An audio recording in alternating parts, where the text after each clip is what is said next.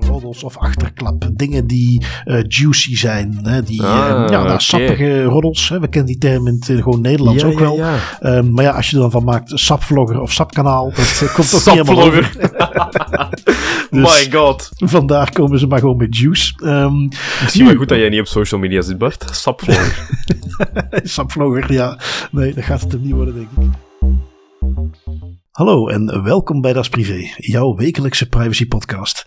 Iedere aflevering praten we hierbij over het reilen en zeilen in de wereld van privacy. Digitale spionage, boetes, datalekken, nieuwe technologie, privacy tools, oftewel alles dat er in een week gebeurt in privacyland.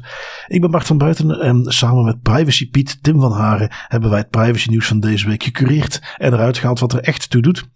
Uh, fraudepreventie en transparantie versus het recht op privacy. Die discussie komt steeds weer terug en bereikte deze week een hoogtepunt met de uitspraak door de rechtbank over het UBO-register. Daar kijken we naar.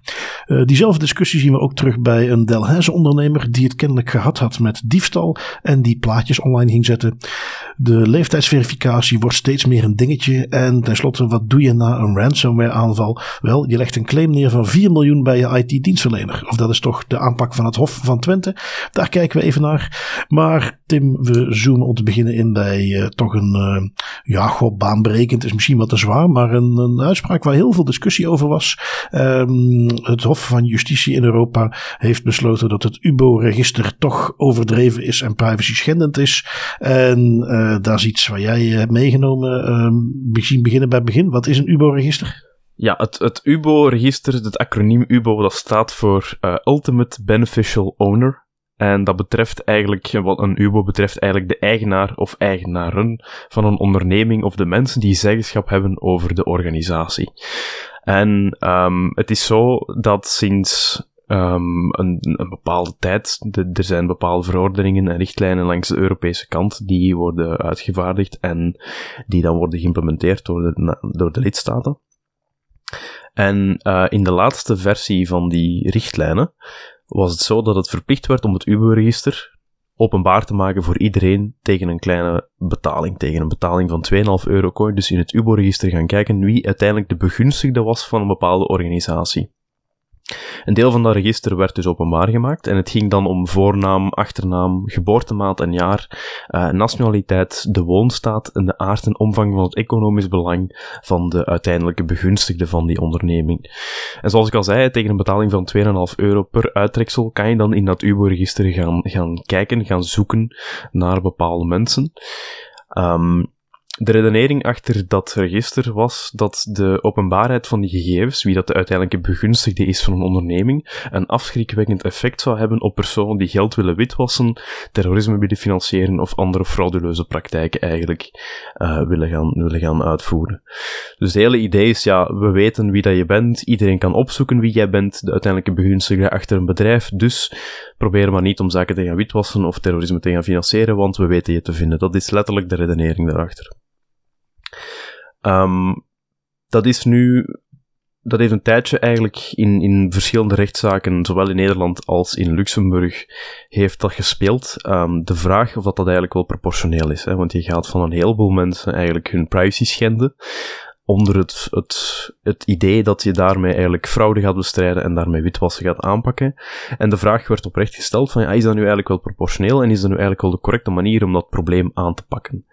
Um, Zoals misschien de luisteraars nu ook al aanvoelen, nee, dat is niet in mijn ogen ook de correcte manier om dat aan te pakken. Het Hof uh, van Justitie van de Europese Unie is daar ook in meegegaan in die argumenten en heeft gezegd uh, dat het register een ernstige aantasting was van de grondrechten van burgers en dat het uh, niet beperkt is in zijn, zijn vorm tot wat strikt noodzakelijk is en niet proportioneel is. Dus daar moest verandering in komen en die verandering die komt er nu ook. Het UBO-register gaat veranderen van een publiek openbaar register waar je voor 2,5 euro in kan gaan zoeken, naar een register waar je alleen toegang toe kan krijgen als je een legitiem belang kan voorleggen. Als je kan aantonen dat jij die gegevens effectief nodig hebt voor een bepaald legitiem belang te kunnen behartigen.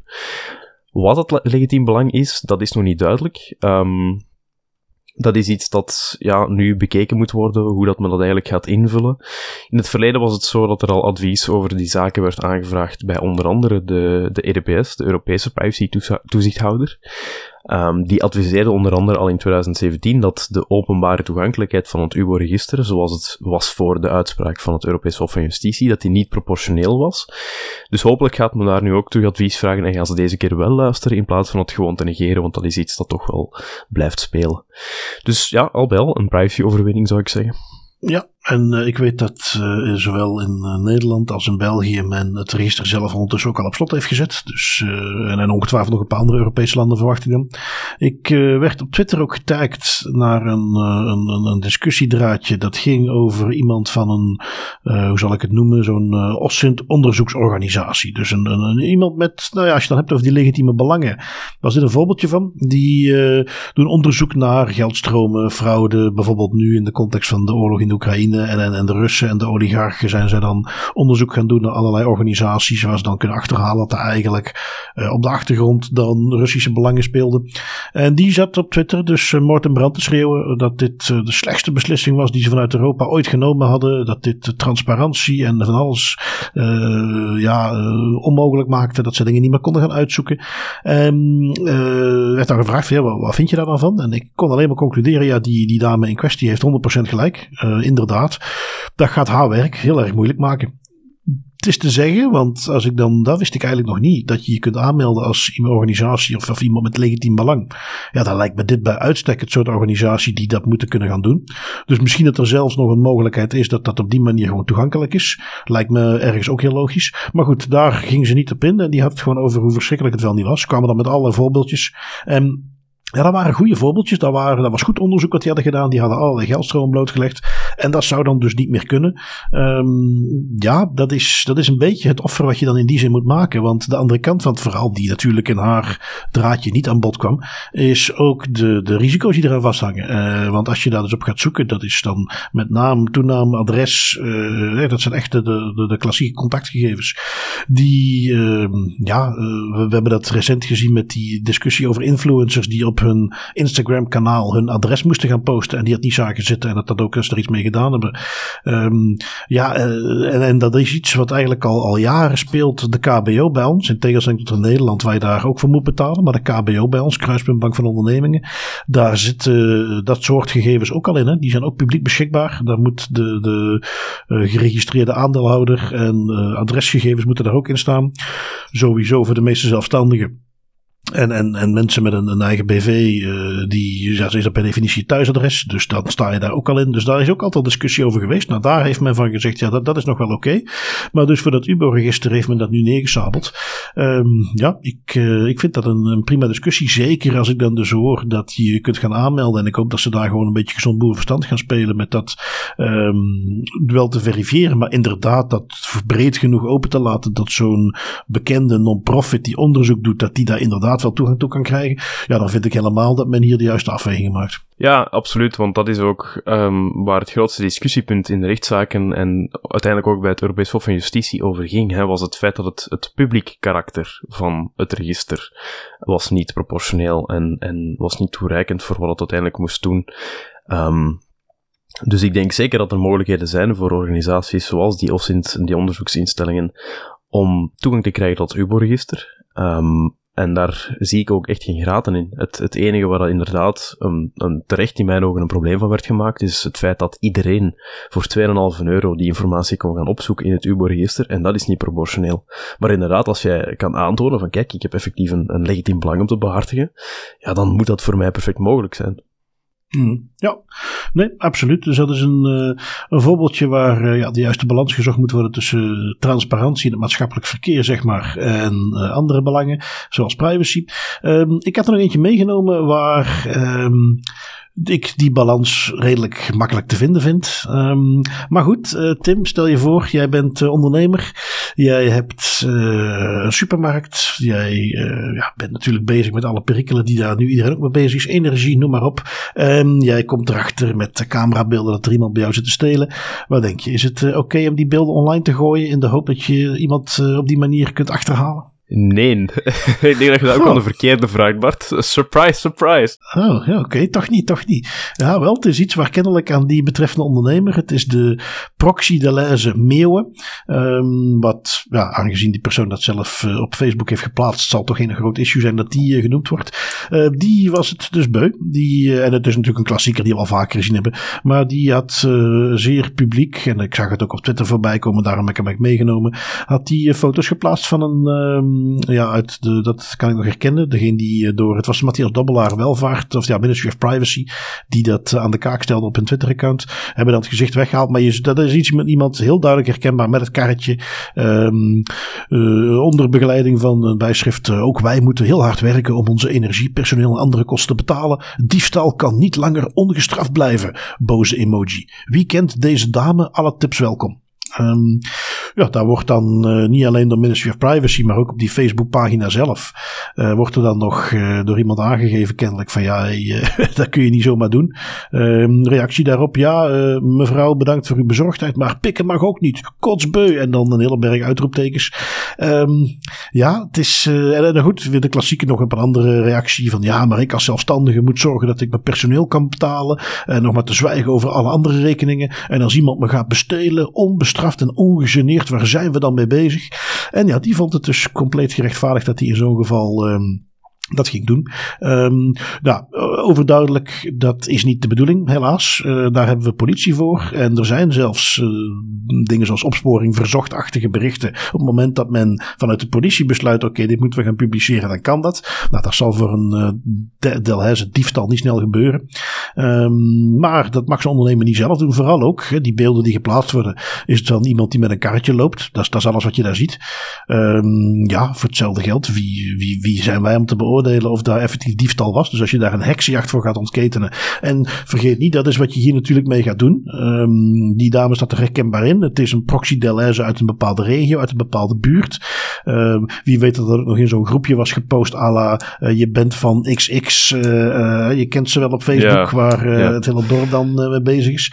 Um, en dat is het risico wat hij natuurlijk aan vasthangt. ongetwijfeld zal die iets gezien hebben waardoor hij zeker weet dat die dame gesteeld heeft. Maar ja, we hebben nu eenmaal in onze samenleving ervoor besloten dat we de politie degene gaan laten zijn en de rechter die daar een uitspraak over doet. Niet de eigenaar van de supermarkt, die misschien blijkend uit alle uitroeptekens en emo-praat ook niet helemaal objectief naar de situatie kijkt.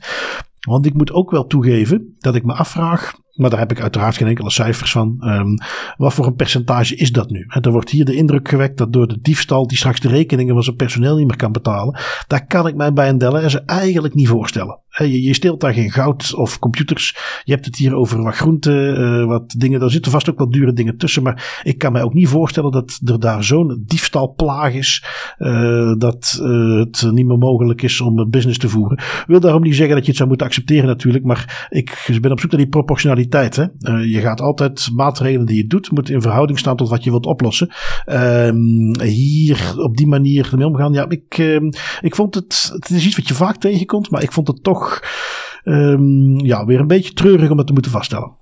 Ja, het is treurig en het is ook niet gepast. Hè. Als je een misdrijf vaststelt, dan bel je de politie of dan meld je dat aan de politie en voor de rest hoef je daar ook verder niet veel van aan te trekken. Dat is soms een frustrerend proces, dat kan best zijn, maar dat geeft je nog niet het recht om mensen zomaar in de kijker te zetten. Ook wat jij ook al meegeeft, Bart, is een terechte opmerking. Hè.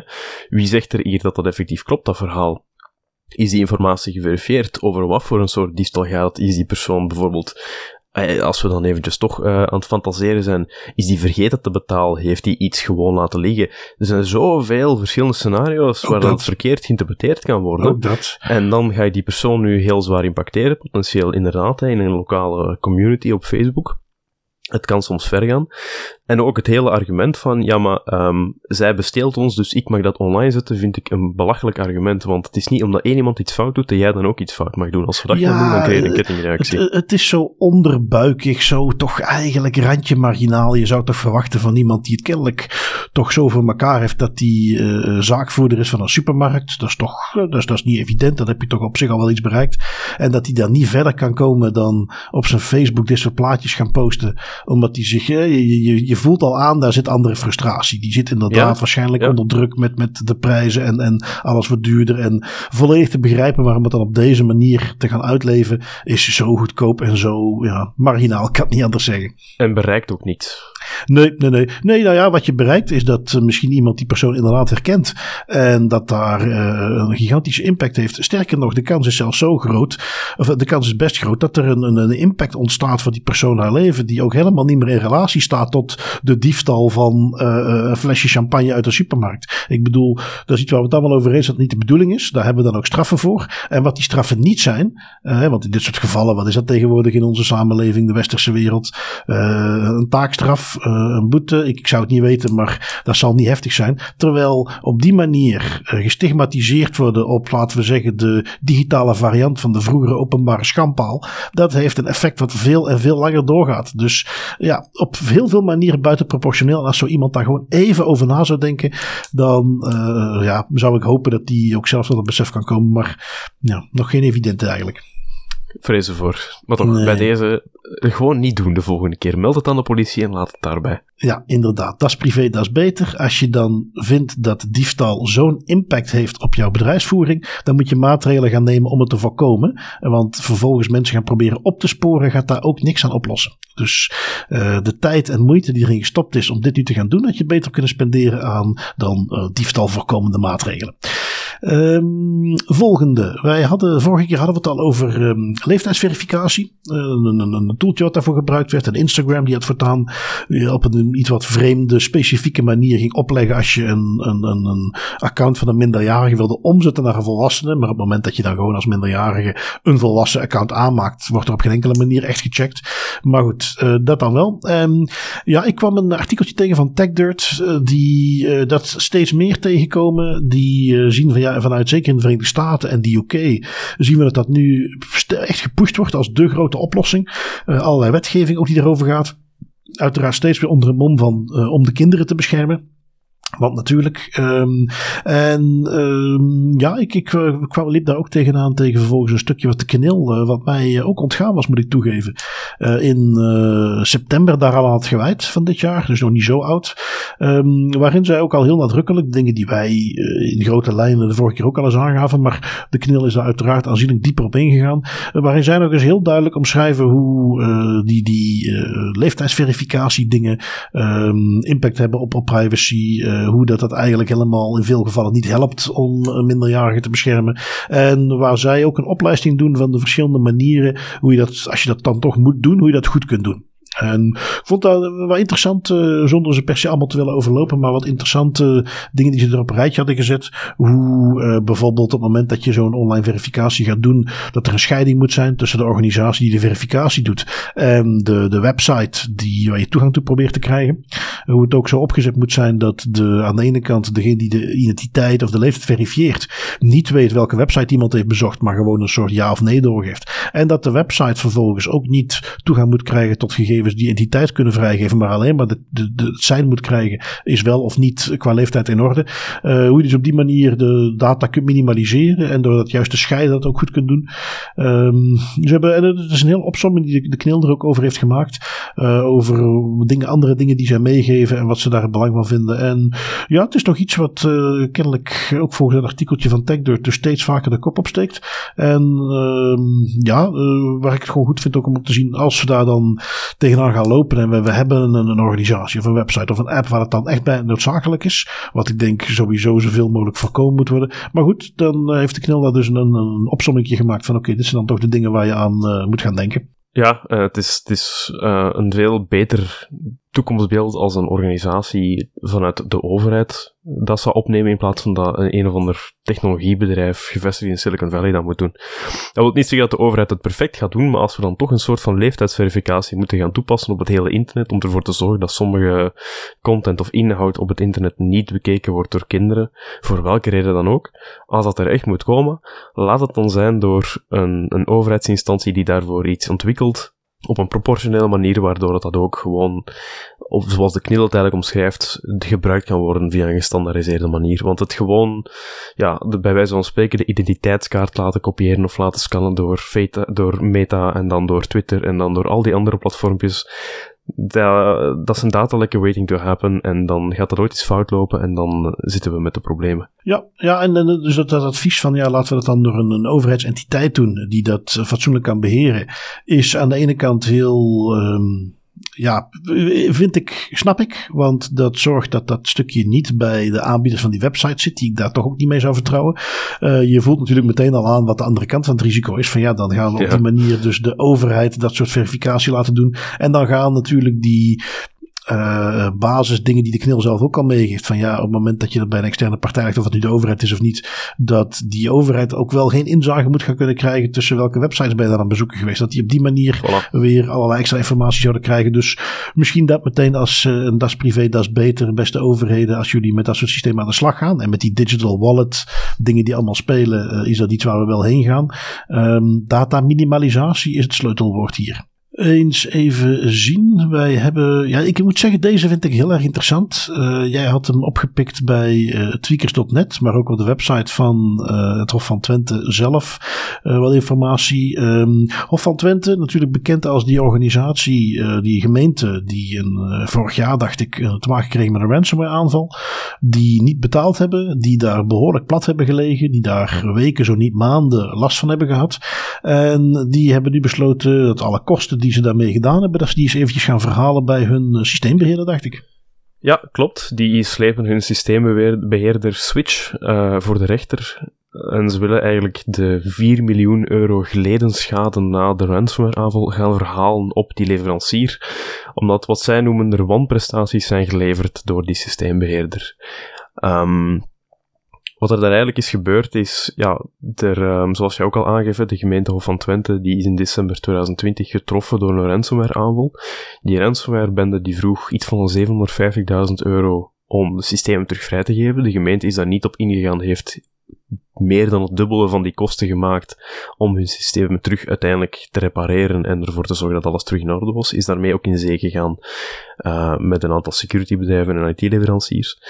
Um, maar als we dan achteraf ging kijken naar, ja, we hebben nu, als naar het onderzoek van hoe kwam dat nu eigenlijk dat die, dat die ransomware aanval heeft kunnen plaatsvinden, ja, dan werd er eigenlijk redelijk snel met de vinger gewezen. Um, wat blijkt bijvoorbeeld uit onderzoek na de ransomware-aanval, blijkt dat er tienduizenden inlogpogingen zijn gedaan op de servers van de gemeente Hof van Twente, die op geen enkel moment werden opgemerkt door de IT-leverancier Switch. Um, ook zou het bedrijf niet opgemerkt hebben dat de hackers malware plaatsten op de servers van de gemeente een maand voordat de ransomware-aanval plaatsvond. Dus er zijn een aantal beheersissues hier die spelen, waar de gemeente van zegt van ja, kijk, Switch had toch wel echt die verantwoordelijkheden en heeft die verantwoordelijkheden niet nagekomen. Ze hebben echt wanprestaties geleverd, ze hebben ons diep teleurgesteld. Um, langs de andere kant, en dat maakt het interessant, IT-bedrijf, het, het IT-bedrijf Switch zegt in zijn verdediging in de rechtbank um, dat door het handelen van de gemeente de hackers binnen zijn geraakt op de servers. Um, wat zij bijvoorbeeld aanleveren als bewijs is dat de gemeente te simpele wachtwoorden heeft ingesteld voor beheerdersaccounts met, met zeer uitvoerige rechten en bepaalde regels voor hun firewall, voor hun verdedigingslinies zou hebben aangepast. En er zijn een aantal interessante quotes uit het duidingsrapport die ik toch wel even wil meegeven. Um, dat duidingsrapport is eigenlijk het rapport dat is opgesteld door een, een aparte entiteit na de ransomware om te gaan onderzoeken wat er nu eigenlijk allemaal fout ging. En de eerste quote is eigenlijk de volgende. Um, Twee fouten geven toegang. Op 15 oktober 2020 wordt het wachtwoord van een beheerdersaccount aangepast naar welkom 2020. Dat is makkelijk te raden. Op 29 oktober 2019 wordt een regel in de firewall aangepast en vanaf dat moment mag iedereen op internetverbinding zoeken met een server voor bestandsuitwisseling, wat wij ook vaak een, FTP-server noemen. Um, op deze machine draait een kwetsbare versie van het Remote Desktop Protocol. Dat is een protocol waarmee je eigenlijk van op afstand een, een desktop kan bedienen. En vanaf het moment dat dat is gedaan, wordt er iedere dag tussen de 50.000 en 100.000 inlogpogingen gedaan. Dus de gemeente zet op een bepaald moment eigenhandig de deuren open ehm, en plaatst daar een zeer, zeer simplistisch wachtwoord op. Um, en dan vanaf dat moment, ja, vanaf dat die FTP-server en die RDP-protocol aan het netwerk hangen, aan de internetverbinding, dan ziet men eigenlijk de inlogpogingen binnenkomen om dat, om dat proberen binnen te breken. Um, en dan, ja, de eerste succesvolle poging, die blijkt dan op 9 november 2020 te zijn gebeurd. En dan een maand, dikke maand later, um, of misschien iets langer nog, is die ransomware aanval plaatsgevonden. Dat is al een eerste. En dat geeft ook al meteen een klein beetje nuance. De gemeente die wijst hier redelijk hard met de vinger naar hun IT-leverancier. Ze spreekt van wanprestaties en wangedrag. Maar als we dan gaat kijken, ja, dan is de gemeente zelf ook niet helemaal vrij van schuld. Ja, als je zo'n dingen gaat doen, ja, dan uh, kan je er ook vanuit gaan dat het op een bepaald moment fout gaat gaan. Nu, om de nuance nog een beetje verder uit te graven. Um, de tweede quote uit het rapport, die zegt eigenlijk het volgende. NFIR, en dat is een securitybedrijf in Nederland, concludeert dat de fouten van de beheerders, namelijk het Hof van Twente, hebben geleid tot toegang. Maar de inrichting van de infrastructuur, die is, is uh, opgesteld door Switch, het IT-bedrijf, heeft verdere aanval mogelijk gemaakt. Zo hadden vrijwel alle systemen toegang tot elkaar. Dus de, de omheining, de poort bij wijze van spreken, die werd opengezet door de gemeente. En eens dat de aanvallers binnen waren op het netwerk, ja, was het heel simpel, want het, het, het netwerk en de, de omgeving, de IT-omgeving, was zo simplistisch opgesteld door Switch dat het heel gemakkelijk was om daarop te manoeuvreren. Ja, als je dat dan. Uh, ik, denk trouwens, uh, maar goed, dat, ik bedoel, we zullen wel zien wat eruit komt. Maar ik denk dat ze hier uh, weinig kans hebben. Um, als je leest dat, wat we destijds ook al hoorden, ze, hebben daar ook, ze zijn redelijk transparant geweest naar de rand in de communicatie, hoe het is gebeurd. En je ziet dus, ja, ten eerste werd de, de toegang tot een stuk van het netwerk werd publiek gezet. Um, en vervolgens een van de wachtwoorden die dan op die inlog ja, op, die inlogmethode waar je toegang kon krijgen, uh, was welkom 2020. Wat mij nog verbaast is dat kennelijk, dat hebben ze op 15 oktober 2020 gedaan. En pas tegen november 2020, oh wacht, 2021 dacht ik, oké, nee, nee, het is 2020, oké. Dus goed, in, in, in minder dan een maand tijd, nadat ze het open hadden gezet, uh, is het op een gegeven moment gekraakt. Ja, welkom 2020 is ook niet, uh, misschien als het in Engels was geweest, welcome, dat het sneller was gebeurd. Want die zit gegarandeerd in de standaard lijsten die men overal gebruikt. Um, maar dus, uh, ja, binnen. En, dat is trouwens iets wat, wat keer op keer blijkt. Hè. Je hebt mensen die gewoon als, naar, als onderzoekswerk publiceren, die op het internet zogenaamde honeypots, dus eh, PC's of servers, die ze expres online zetten. Om eens te kijken hoe snel uh, wordt dat gevonden, hoe snel weet een hacker ze weg te vinden, hoe lang duurt het dan voordat die binnen is. Um, keer op keer komt dat naar buiten. Als je op die manier iets kwetsbaar op het internet zet, ja, dat is binnen no time. Dat is ontzettend snel. En ja, hier zie je dus ook hè, dat uh, vanaf het moment dat ze die aanpassing hadden gedaan, dat men duizenden tegelijk probeert om eh, binnen te komen. En ik zie hier nu ook trouwens aan een stukje met een jaar kwam. Die het openzetten van die firewall was al in 2019. En vanaf dat moment kon je er publiek aan. Um, maar en toen, en toen, zagen ze al die duizenden en duizenden inlogpogingen, wat natuurlijk al teken aan de wand moet zijn. En pas uh, toen ze op 15 oktober 2020 het wachtwoord ook veranderde naar iets simpels, dat is het moment dat ze vervolgens een paar weken later binnen waren. Dus zo zie je maar, men zit dat continu te proberen. Dat is ook in die zin misschien nog een, nuttige les voor mensen die daar niet bewust mee bezig zijn of, of die gewoon op die manier niet met die materie bekend zijn. Als je iets op het internet zet, dan ga je gewoon continu, gaat daar uh, zijn er dingen op het internet die zoeken naar dat soort toegangen en die gaan dat proberen. En is dat goed beveiligd, is dat helemaal geen probleem. En dan ga je inderdaad in, in een bepaalde netwerktools ga je zien dat mensen dat proberen. Um, ik heb uh, de Das Privé website, daar heb ik ook een heel simpel toeltje op geïnstalleerd wat inlogpogingen detecteert. En ook daar zien we dat dat keer op keer op keer dat men probeert om in te loggen en die worden automatisch geblokt. Daar krijg ik ook heel vaak berichten van. Dus dat is gewoon een feit, dat gebeurt. Um, waarom ik dan dus concludeer van ja, uh, het Hof van Twente heeft hier weinig kans volgens mij, is die, die, die twee dingen, die firewall openzetten en dat wachtwoord, dat zijn de echte aanleidingen hier. De, en eh, als je eens naar gaan kijken, wat is een beetje standaard, dat uh, een netwerk nog zo is opgezet, waar heel veel onderdelen van het netwerk toegang hebben tot mekaars omgeving. Dat, dat, dat is dat, de idealiter, best practice in security, ze noemen dat ook wel eens uh, zero trust, is dat je ervoor zorgt dat geen enkel onderdeel zomaar toegang heeft tot een ander onderdeel het netwerk. Dat als je dus ooit eens binnenkomt op het netwerk, dat je vervolgens nog eens um, zie het als een huis waar uh, de buitendeur op slot is, maar de binnendeur vervolgens overal open is. Ja, als je dat huis binnen bent, dan kun je ook meteen naar alle kamers. Nou, wil jij je beter beveiligen tegen diefstal, zou het ideaal zijn als je vervolgens ook nog eens iedere deur in huis op slot doet. Nou, um, op het moment dat jij um, in iedere kamer van je huis allerlei gevoelige gegevens hebt, die je echt wil beschermen, kan dat misschien best wel nuttig zijn. Um, maar de meeste mensen gaan dat zo niet doen. Nou, ik denk huis uh, in die zin een voorbeeld waar het veel evidenter is dat je niet alle deuren op slot gaat doen. In een netwerk is het veel logischer dat je die deuren wel degelijk op slot doet. Maar op dit moment, op basis van mijn ervaring, ik durf rustig zeggen dat 95% van de netwerken niet op die zero trust manier werkt, maar nog gewoon werkt op een manier dat er heel veel toegankelijk is. Dus lang verhaal kort, ze gaan bij de rechtbank volgens mij nooit hard kunnen maken dat die dienstverlener hier echt zwaar in de fout is gegaan. Zeker niet wetende dat de, hetgeen wat aanleiding gaf tot toegang echt wel een hele basic fout van hen zelf is geweest. Ja, klopt. Dat is, dat is de, de grond van alle problemen uiteindelijk. Hè. En ook de argumenten die ze aanhalen waar ze mee naar de rechtbank gaan. Hè. Het, het idee dat de IT-leverancier je de, op de hoogte had moeten stellen van het feit dat er gemiddeld 50.000 tot 100.000 inlogpogingen waren per zoveel tijd.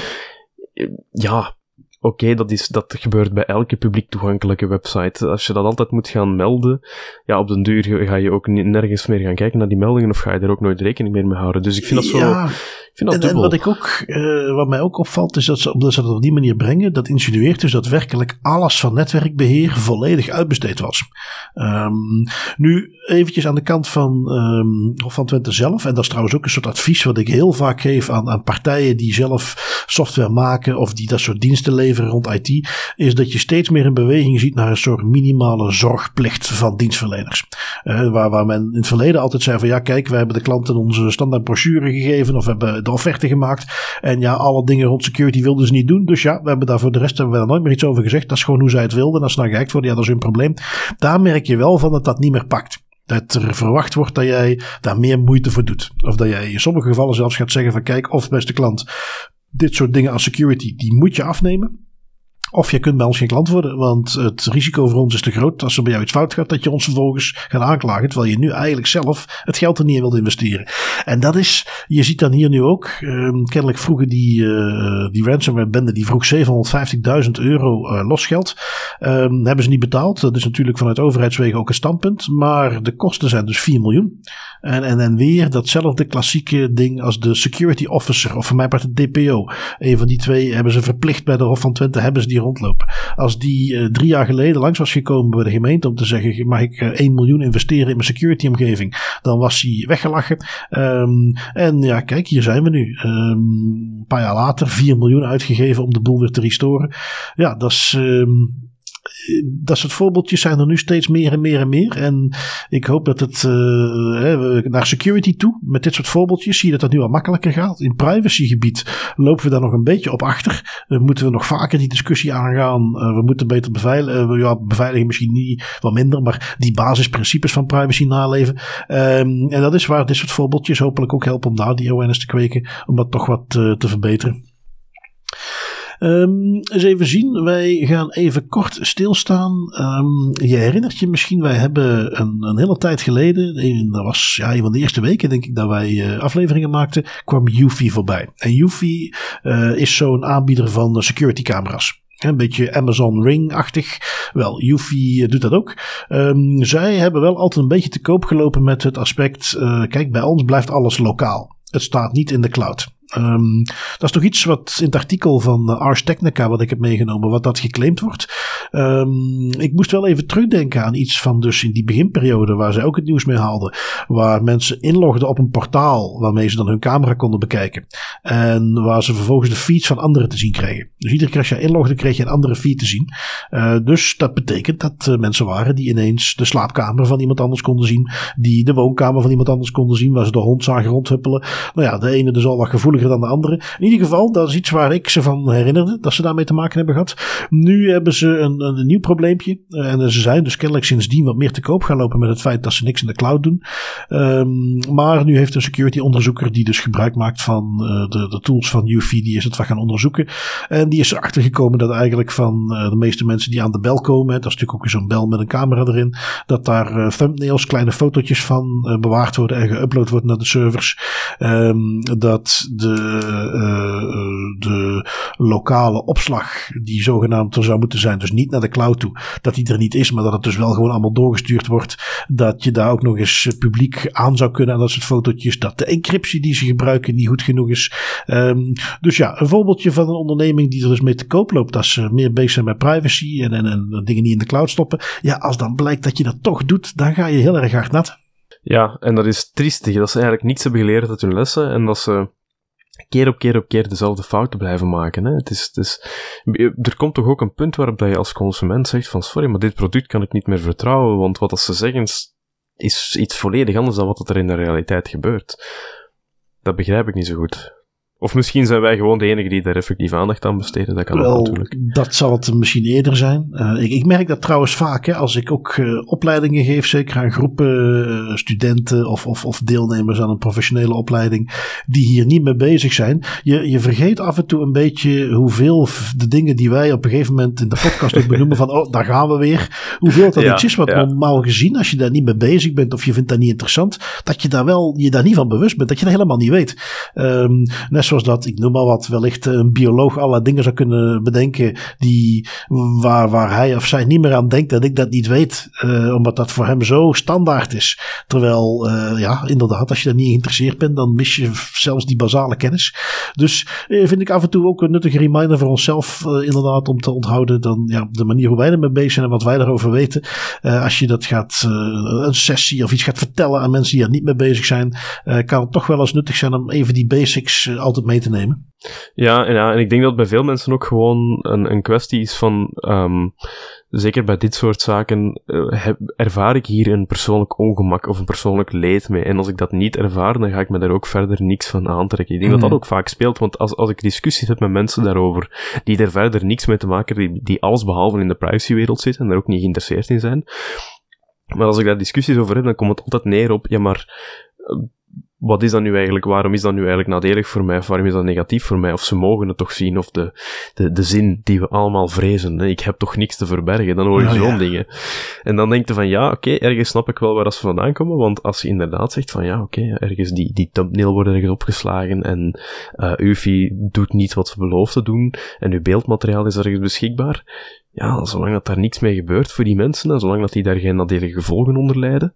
Hebben die zoiets van whatever. Ja. Ja, dat is, dat is. En ja, goed. Uh, ik hoop dat Yuffie hier ook wat uh, reputatie en misschien zelfs nog wat financiële schade ondervindt. Want dat zijn toch mm -hmm. vaak de triggers die ervoor zorgen dat ze structureel iets veranderen.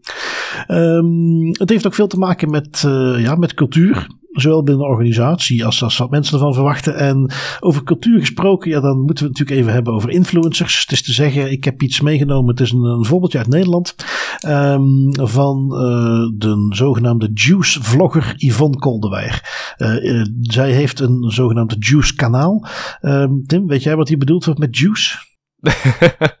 oh, je gaat mij oud laten voelen nu, Bart, maar ik heb eigenlijk geen flauw benul. Ja, nou ja, kijk, het is voor mij een troost in dat jij het ook niet weet. Want dan kan ik zeggen, het ligt niet aan het feit dat ik oud ben. Het ligt gewoon aan het feit dat die term hier niet bekend is. Um, Wij staan daarboven. Ja, ja dat, dat, dat zal het zijn. Dat zal het zijn. En, en ik moest het dus even opzoeken. Um, juice is kennelijk een term, want als ik het ga opzoeken, ook op de Wikipedia en zo, dan wordt er gezegd van ja, dat, is, uh, dat heeft die Yvonne zelf bedacht. Maar ondertussen heb je toch uh, op de website van de NOS, waar ze die term zelf ook meerdere keren gebruiken. Dus het, uh, het is toch kennelijk een beetje gemeen goed geworden. Um, en wat betekent dat nu concreet? Ja, juice is een andere term voor roddels of achterklap. Dingen die juicy zijn. Hè, die ah, ja, nou, okay sappige roddels. Hè. We kennen die term in het gewoon Nederlands ook wel. Ja, um, maar ja, als je er dan van maakt, sapvlogger of sapkanaal, dat uh, komt toch niet helemaal over. dus My god. Vandaar komen ze maar gewoon met juice. Um, Misschien wel goed dat jij niet op social media zit, Bart. Sapvlogger. sapvlogger, ja. Nee, dat gaat het hem niet worden, denk ik. Uh, ik denk ook dat ik de uitstraling mis om uh, paparazzi te zijn. Maar dat is dus wat zij doet. Die uh, is zelf acteur geweest, of doet het misschien nu nog, maar in ieder geval, um, die is nu vooral bekend van de, de Instagram en de, de YouTube-kanaaltjes waar ze dan ja, allerlei roddeltjes verspreidt. Um, waarom? Ik bedoel, oké, dat op zich heeft natuurlijk al met privacy te maken, maar er was een specifieke aanleiding om haar hier eens een keer mee te nemen. Want uh, royalty-journalist Mark van der Linden, uh, dat, is, dat dan ook weer een ding. Um, ja, nieuws over royalties. En die is daar dedicated, doet niks anders dan royalty nieuws. Um, zo moet ik trouwens, want ik je denkt dat is misschien een niche, maar ook de VRT, hè, op de VRT Nieuws app, voor mij toch een van de meest objectieve, neutrale en serieuze uh, plekken waar je je nieuws kunt halen. Die hebben ook een royalty uh, substukje, hè, waar je dus allemaal royalty, iedere week komen ze geloof ik met een update over royalty. Geen idee wie de doelgroep is, maar goed, dat terzijde. Uh, een hele bekende van die journalisten, die is dus opgenomen in het ziekenhuis. En uh, die, die postte ook een, een berichtje, een videootje over hoe het met hem ging. En ja, kennelijk juicevlogger Yvonne, die vond dat er iets, iets aparts was. Hij had een blauw oog en ze wilde weten hoe hij eraan kwam. En hij wilde daar zelf niet op reageren. En dus heeft ze via dat kanaal de medewerkers van het ziekenhuis uh, opgeroepen om haar informatie te geven. Uh, letterlijk op dat Juice-kanaal van ja, uh, onze spionnenvrienden in het ziekenhuis, laat het even weten als je hier meer informatie over hebt. En het ziekenhuis zelf plaatste meteen op zijn Twitter-kanaal en ik hoop ook intern, maar goed, op zijn Twitter-kanaal van ja, onze medewerkers mogen dat niet doen, privacy, beroepsgeheim, heel serieus blijkt natuurlijk, je kon erop wachten dat iemand die Yvonne toch wel iets heeft laten lekken. Um, oh, en ja, dat dan kennelijk was die persoon ergens gevallen. Ik bedoel, de meest banale uitleg mogelijk. Dus zo juicy is het allemaal niet. Um, maar dus die had wel informatie gekregen. Um, moeten natuurlijk een beetje uh, slag om de arm houden. Want diezelfde Yvonne is, ik denk een jaar geleden, was een uh, nieuwsradiozender BNR. Die had een, een trucje met eruit gehaald. Die had een filmpje in scène gezet met een actrice. Be relatief bekend of bekend genoeg dat je op het Juice kanaal kwam. Ik denk niet dat ze altijd kieskeurig zijn. die drugs aan het doen was, zogenaamd op dat filmpje. En daar hadden ze dan doorgestuurd. En dat had Juice Yvonne gewoon zonder problemen geplaatst op het kanaal. met grote aankondiging. zit aan de drugs. Ehm, nou, is daar ook voor, de rechter gedaagd. En, en ze hopen dat ze hier een les mee geleerd had. Nou ja, duidelijk niet. En, en ja, goed, dus op die manier mensen opgeroepen. En um, ja, één, dat er überhaupt dit soort kanalen bestaan is natuurlijk al triest. Maar goed, dat is nu helemaal de aard van het beestje, de mens. Maar dat er dan vervolgens mensen ook echt op die oproep zijn ingegaan, dat vond ik toch wel treffend. Want inderdaad, zeker die beroepsgroep in het ziekenhuis. Ik heb redelijk wat ervaring met de ziekenhuizen. En dat is wel echt iets waar ze heel veel mee bezig zijn. Dus dat dat op die manier dan toch nog lukt, verbaast me. Ja, het is, het is, ik had eigenlijk niet verwacht uh, in dit verhaal dat het, dat het effectief succesvol was. Dus ik ben eigenlijk wel verbaasd dat het, dat het gelekt is. En ook, ja, ik, ik, ik stel me gewoon de vraag van, als je hier zo publiek mee, mee uitpakt, eh, dat, dat, dat lijkt mij toch iets strafbaar eigenlijk. Hè? Het aanzetten van het leggen van informatie uit een medisch dossier. Het aanzetten tot het breken van het medisch beroepsgeheim. Dat denk ik niet. Ik, nee, dat, zou, dat is toch gek dat je eigenlijk zegt van dat is, dat is op geen enkele manier strafbaar of, of nou ja, ik denk misschien als je, er, als je erbij zou gaan omkopen en dergelijke, is er nog iets anders. Maar als jij, uh, als ik je nu ook lanceer, beste Das Privé luisteraars, hebben jullie weet van mooie privacy overtredingen? Nou, laat het mij maar even weten. Um, en vervolgens krijg je die dingen ook binnen, wat tussen haakjes, mocht iemand die behoefte voelen. Uh, ik ga zeker vertrouwelijk om met bronnen. Um, maar uh, dat, dat komt dan binnen. Um, en, en, je, en je doet daar iets mee. Ik denk niet dat dat, dat, dat per se strafbaar is. Um, natuurlijk, dit is qua context niet te vergelijken. Dit gaat niet over een soort halve whistleblowing of dingen aan de kaak stellen nee, nee, echt te doen. Dit gaat over kunnen verklaren waarom een royalty journalist een blauw oog heeft in zijn filmpje, wat natuurlijk heel erg treurig is. En misschien, want dat is wel iets wat ik vaak tegenkom in de, de, de awareness sessies die we moeten geven in omgevingen. Misschien dat men, degene die dat dan kennelijk toch uh, gelekt hebben, dat die zoiets hadden van, ah, maar ach, dit, dit is zo'n klein detailtje, dat kan toch geen kwaad. Um, er niet bij stilstaan dat ook dat, die informatie vrijgeeft even gewoon heel simpel not done is. Uh, uh, en ook wettelijk niet toegestaan. Hè? Nog iets beter dan gewoon uh, niet sociaal acceptabel. Je, je mag het gewoon niet. Um, dat het hem daar misschien in zit. Um, nu goed, die Yvonne, en natuurlijk daar, daar, leeft hij ook van. Die wordt wel eens voor de rechter gedaagd. En dan wordt dat ook overal breed uitgemeten natuurlijk. Um, mm -hmm. Is tot op heden, voor zover ik weet, nog niet echt op een serieus genoeg manier veroordeeld. Want ja, ze blijft ermee bezig. Oké, dus uh, na revenge porn en andere weldadigheden op het internet gaan we dus nu ook juicevloggers in de rechtszaak moeten gaan opnemen, want ja, er moet toch iets... Dat, dat, kan toch niet dat je op een bepaald moment zegt van, oh, die blijft gewoon mensen aansporen om dingen te lekken en om inbreuken te plegen op, op de beveiliging en op het beroepsgeheim van dossiers en daar wordt niks aan gedaan. Dat, dat vind ik echt gek. Maar ja. Ah, ja we, zullen het zien. Als we daar iets meer over weten, dan zullen we het zeker uh, meenemen.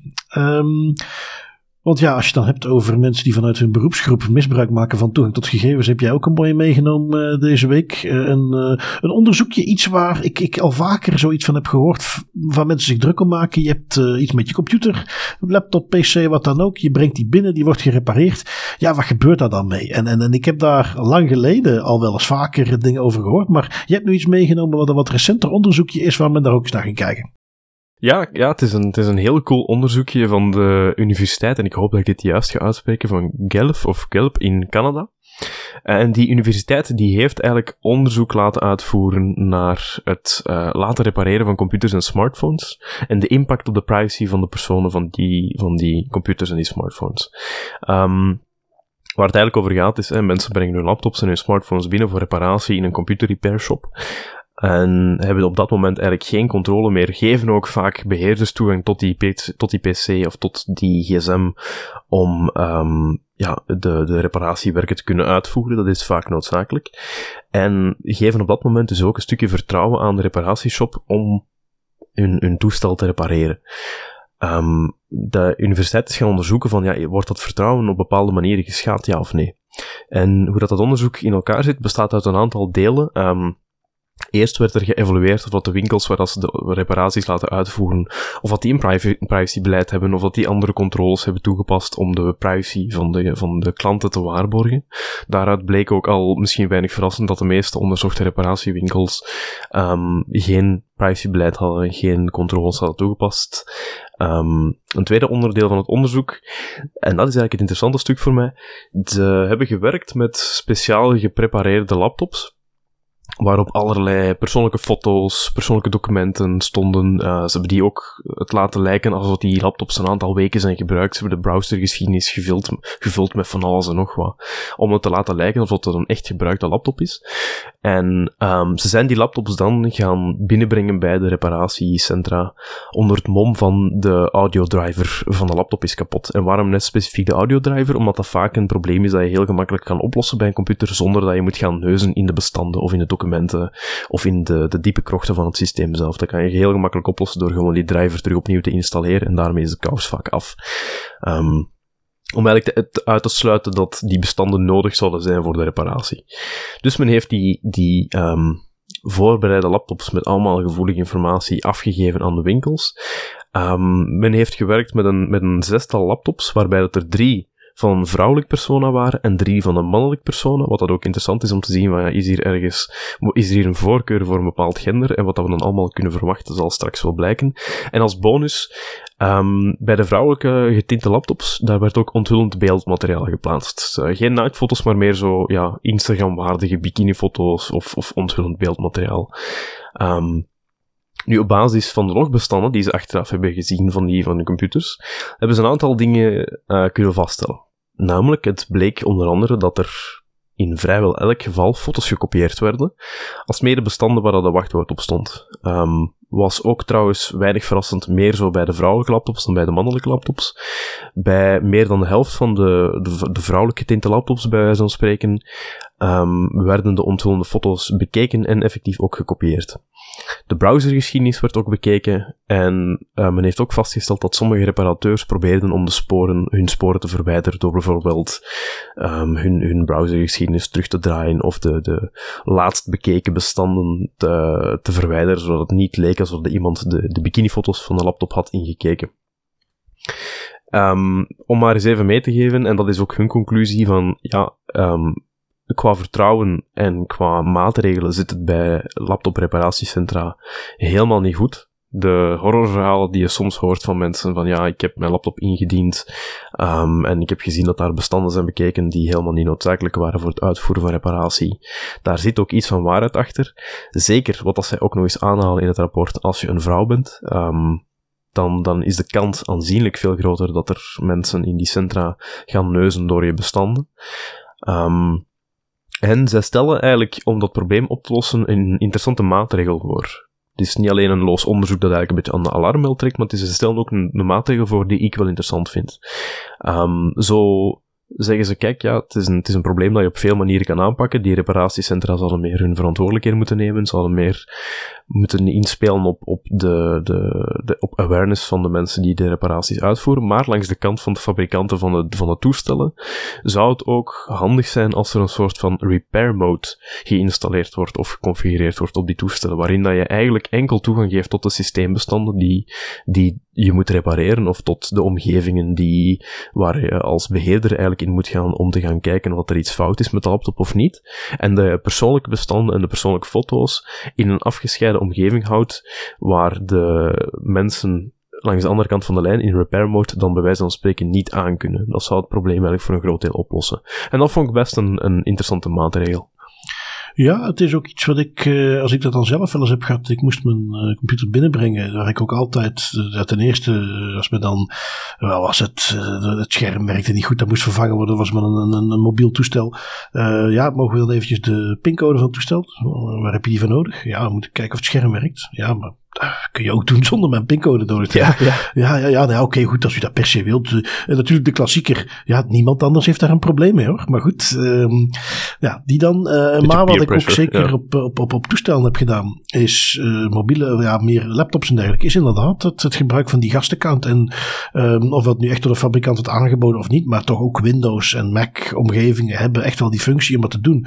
Dus het zou niet nodig moeten zijn, maar absoluut wel nuttig omdat als je je computer wegbrengt voor reparatie, maar het altijd te doen. Gewoon een gastaccount, als iemand dan toch moet inloggen om iets te testen. Wel, alsjeblieft, dit is je gastaccount. Ja. Um, Uh, kun je nog een, een, klein dingetje meegeven met uh, was de login daar, username is reparateur, wachtwoord is kijk niet naar mijn spullen um, en dan kun je ze nog eventjes wat sensibiliseren. Um, ja, uh, je, maar en dat is natuurlijk ergens al, al jammer genoeg, maar, maar totaal niet verrassend hè, wat hieruit komt. Nee, totaal niet verrassend. En ook, ja, ik, ik vond het heel slim gespeeld van de onderzoekers dat ze ook nog eens eigenlijk extra willen aantonen dat er ook nog een groot verschil zit op de, de foute inzages van mannelijke laptops en vrouwelijke laptops. Om ook nog maar eens mee te geven van ja, ook daar weer hè, hebben vrouwen weer aan het kortste eind getrokken, want ze zijn ja, toch blijkbaar heel nieuwsgierig als het gaat om vrouwelijke laptops. Ja, ja, ja, dat, ja. helaas absoluut niet verrassend inderdaad. Ook heel voorspelbaar. Nee. Nu, um, iets wat mij ook helemaal niet verraste, is een berichtje wat, uh, ja, was het misschien zelfs vandaag, maar redelijk recent uh, voorbij kwam. Uh, je hebt hem ook van tweakers.net gehaald. Um, je hebt in Nederland heb je de Forum voor Democratie. Um, kun jij, want je, je hebt dat misschien ook wel een beetje opgevolgd. weet je een beetje hoe Forum voor Democratie, hoe die bekend zijn in Nederland als politieke partij? Um, ik moet zeggen dat ik met Nederlandse politiek, dat ik daar niet zo heel veel mee bezig ben, maar het enige wat ik heb opgevangen van het Forum voor Democratie, en dan vooral voor hun voorzitter, of hun partijleider Thierry Baudet, is dat het een, een partij is die uh, controversie niet uit de weg gaat. Oh, oh nee, oh, maar dan, dan, dan mis je het beste eigenlijk van dit verhaal. Uh, het is ook, ik, ik, zou namelijk in de Belgische politiek geen equivalent kunnen noemen. Uh, zeker niet wat op die manier verkozen is. Um, maar als je Vlaams Belang inbeeldt, maar dan nog even, die natuurlijk toch ja, bekend staan als een beetje extreem rechts. Um, ja. Probeer wat te nuanceren. Maar goed, laat dat even flink doorslaan. Uh, neem daar vervolgens nog wat uh, Illuminati. Uh, we worden beheerst door reptielen. Big Tech is erop uit om ons allemaal um, te manipuleren en te beheersen. En het World Economic Forum is een wereldwijde conspiracy theory. die proberen om corona bij alle mensen te verspreiden en de wereld oh, af te slanken. Nou, dat is ongeveer het niveau waar je aan moet denken. Um, en ook de, de, de, die politici, als die dan uh, spreektijd krijgen in de Kamer, dan komt er ook de grootst mogelijke onzin uit. Maar geheel naar een beetje Nederlandse braafheid uh, blijven ze die toch altijd heel veel ruimte geven om al die theorieën te spuien. Dus ja, dat maakte het voor mij zo leuk om te zien dat uitgerekend die partij hier dan mee te maken heeft. En ja, wat ze dan precies mee te maken kregen, die laat ik even aan jou. Ja, ik wou het voor de, duidelijkheid, ik wou het iets genuanceerder houden door te zeggen, weinig, en ze gaan controversie niet uit de weg, maar jij geeft er gewoon een dubbel en dikke lap op. Verdiend trouwens, moet ik zeggen. Het is een, het is een gekke partij. Um, nu, wat is er daar gebeurd met die partij, of specifiek met de, de applicatie van die partij? Want uiteraard heeft die hebben die een applicatie. Um, de gegevens van 92.901 leden en oud-leden van die Nederlandse politieke partij, die zijn gelekt. En dat kwam door een kwetsbaarheid in hun eigen applicatie, um, die dit weekend is uitgebracht. De kwetsbaarheid is ondertussen ook opgelost, maar het kwaad is geschieden, bij wijze van spreken. Um, wat er eigenlijk daar gebeurde is, RTL Nieuws heeft dat onderzocht na een anonieme tip.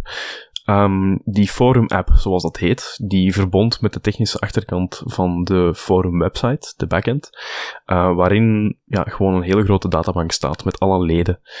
Um, op die manier kunnen gebruikers dus ook inloggen op hun Forum-account via de app probleem is, er werd niet gecontroleerd wie welke gegevens opvroeg en of diegene daar wel toestemming voor had voor het opvragen van die gegevens. En daardoor was het redelijk gemakkelijk mogelijk om volledig geautomatiseerd een, het gehele ledenbestand van het forum op te gaan vragen en te gaan downloaden, zonder dat daar eigenlijk ja, een brute force check of een andere manier van logging op zat. Het was, het was relatief simpel om eigenlijk dat lek te, te, te uit te buiten en die volledige ledenbestanden op te gaan, op te gaan vragen. Er zijn twee problemen daarbij. Eén, ehm, het ging om onder meer de namen, e-mailadressen, telefoonnummers, rekeningnummers van leden en oudleden. Um, en ook of dan een gebruiker lid was van het Forum voor Democratie. En of ze een contributie betaald hadden aan de politieke partij. En hoeveel dat die contributie was. Dat is één probleem. Het tweede probleem is, er stonden een heleboel entries in, uh, bestanden van oudleden. Mensen die eigenlijk al een hele lange tijd niets meer te maken hebben met die politieke partij, die ook geen contributies meer betalen, maar die voor de een of andere, een of andere reden achterbleven in die databank en daardoor nog altijd inzichtelijk waren. Dus ja. Prachtig, prachtig. En uh, ja, uh, goed, laten we ook niet vergeten, in, ook in de GDPR zelf wordt uh, politieke affiliatie, uh, wat is je politieke stroming, wordt aanzien als een bijzonder gevoelig gegeven. Dus um, ja, ik ben benieuwd. als de Forum voor Democratie heeft hier dan ongetwijfeld netjes een datalekmelding gedaan bij de AP. Heeft alle personen die dit betreft ook netjes ingelicht, ongetwijfeld. Dus wie weet wat voor staartje dit krijgt. En dan hebben we ons klassieke bruggetje naar de autoriteiten. You! En ja, um, geen uh, stukje das privé zonder ergens big tech nog eens de revue te kunnen laten passeren. En uh, jij hebt hem meegenomen, timsecurity.nl uh, rapporteerde het, maar hebben we overal gezien. Meta heeft nog eens een leuke boete gekregen. Ja, het is de, de Ierse privacy, privacy toezichthouder, de DPC, die uh, Meta nog eens een boete geeft. Deze keer 265 miljoen euro, wegens een groot datalek van een tijdje terug, waardoor de data van 533 miljoen Facebook-gebruikers op straat kwam te liggen. En het ging daarom om onder andere uw Facebook-ID, volledige naam, uw telefoonnummer, geslacht, uw locatie, uh, voorgaande locaties, geboortedatum, in sommige gevallen ook uw e-mailadres, uw relatiestatus en andere informatie die eigenlijk gekoppeld was aan uw profiel. Dus dat ging eigenlijk best ver. En die data die was door middel van scraping uh, verzameld. Dat werd gewoon allemaal afgeschraapt van het Facebook-platform. Dat was voor de een of andere reden via een bepaalde toch, oplossing was dat, was dat publiek beschikbaar, bij wijze van spreken. Um, het probleem is daar dat Facebook dat eigenlijk nooit heeft toegegeven dat dat probleem 100% bij hun lag. Ze hebben dat meer als een industriebreed probleem willen framen. Het feit dat informatie gescraped wordt van social media. Omdat onder andere ook LinkedIn en Twitter daar al eens last van hebben gehad. Maar het is nooit zo ver gekomen als bij Facebook. Um, en daardoor hebben ze nu eigenlijk een redelijk grote boete gekregen. Vooral omdat zij te weinig technische en organisatorische maatregelen hadden genomen om dit soort scraping tegen te gaan. En dan in plaats van te erkennen dat ze dat niet gedaan hadden, hebben ze het gewoon afgeschreven als een industriewijd probleem waar zij niets aan konden doen. Daarvoor krijgen ze dus een boete.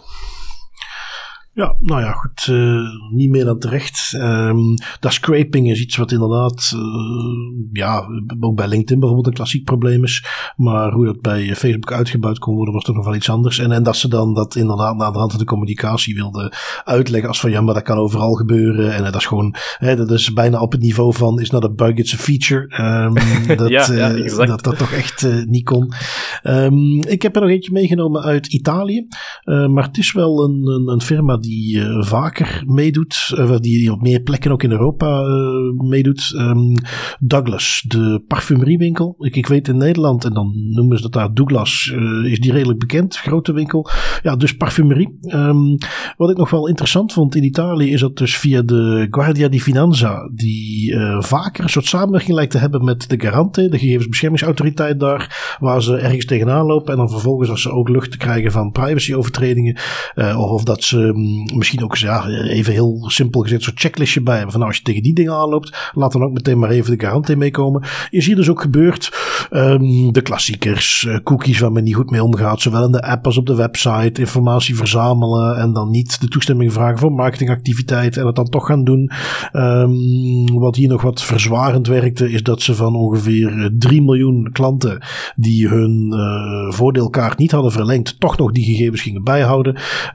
Alles bij elkaar een boete van 1,4 miljoen voor Douglas. Um, ja, dat kan tellen.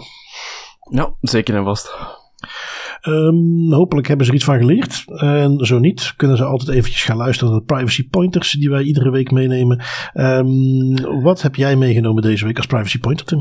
Um, ik heb nog eens een, een warme oproep. De, de mensen die al een tijdje luisteren naar de podcast, die weten dat ik best wel een, een fan ben van het Proton Mail ecosysteem dat ze onder andere nu aan het uitbouwen zijn. Vroeger was dat gewoon Proton Mail, nu is het al Proton Mail, nu heb je Proton Drive. En de nieuwste telg in de Proton familie is de Proton Calendar. Proton Calendar bestond eigenlijk al een tijdje in een, een webapplicatie en Android-formaat. Um, en nu eindelijk hebben ze er ook een iOS-versie van gemaakt voor de mensen die nog niet zijn weggejaagd door onze voorbije artikels over Apple. Er is nu ook Proton Calendar voor iOS. Oké, nou kijk eens aan. Um, ik heb iets meegenomen. Het is ja, ergens ook wel privacy gerelateerd. Er zit security achter, maar het is iets, iets redelijk simpels wat eigenlijk iedereen zou kunnen doen. Uh, zeker een organisatie op een website, maar wat nog bijna niet gebeurt. En dat is een security.txt aanmaken. De robots.txt is al wel bekender. Dat is iets waar je aan zoekmachines kunt aangeven of ze bepaalde pagina's wel of niet moeten indexeren. Dat is gewoon echt een heel simpel klein bestandje wat je op je webserver hebt staan. Uh, jouw uh, webdeveloper, uh, marketingbedrijf die het voor jou beheert, moet dat ook prima weten hoe dat moet. Als je zelf een website hebt, dan weet je ook hoe je dat kunt doen. Um, security.txt is een, een, andere variant daarvan, die vooral bedoeld is om aan security onderzoekers die um, onderzoek doen en die dan op zoek zijn naar een plek waar kan ik dit melden. En waar het heel vaak een probleem is om de goede contactgegevens te krijgen om effectief een kwetsbaarheid te kunnen melden zonder dat die uh, of helemaal niks mee gebeurt of dat het maanden duurt voordat er iets mee gebeurt. Wel, security.txt laat jou toe om dat meteen heel makkelijk kenbaar te maken. Uh, daar staan dingen in zoals wat de contactgegevens zijn, wat voor dingen je kunt melden, eventueel telefoonnummer, um, eventueel nog wat gegevens zoals een versleuteling, een sleutel die je kunt gebruiken om een beveiligd berichtje te sturen. Um, ik heb in de, de links, in de show notes, heb ik het linkje naar het artikeltje erbij gezet en een, een voorbeeld van zo'n security.txt om je te laten inspireren. En ja, hele simpele tip. Eigenlijk zou iedereen zo'n security.txt bestandje moeten hebben op een website. -hmm. Hele coole tip. Um, goed, Tim, dan sluiten wij het daar deze week bij af. Het was mij weer een waar genoegen. En uh, we zullen zien wat voor cadeautjes de Sint uh, achterlaat. En waar wij volgende week met de prop kunnen komen. Absoluut. Met heel veel plezier en tot volgende week. Tot volgende week.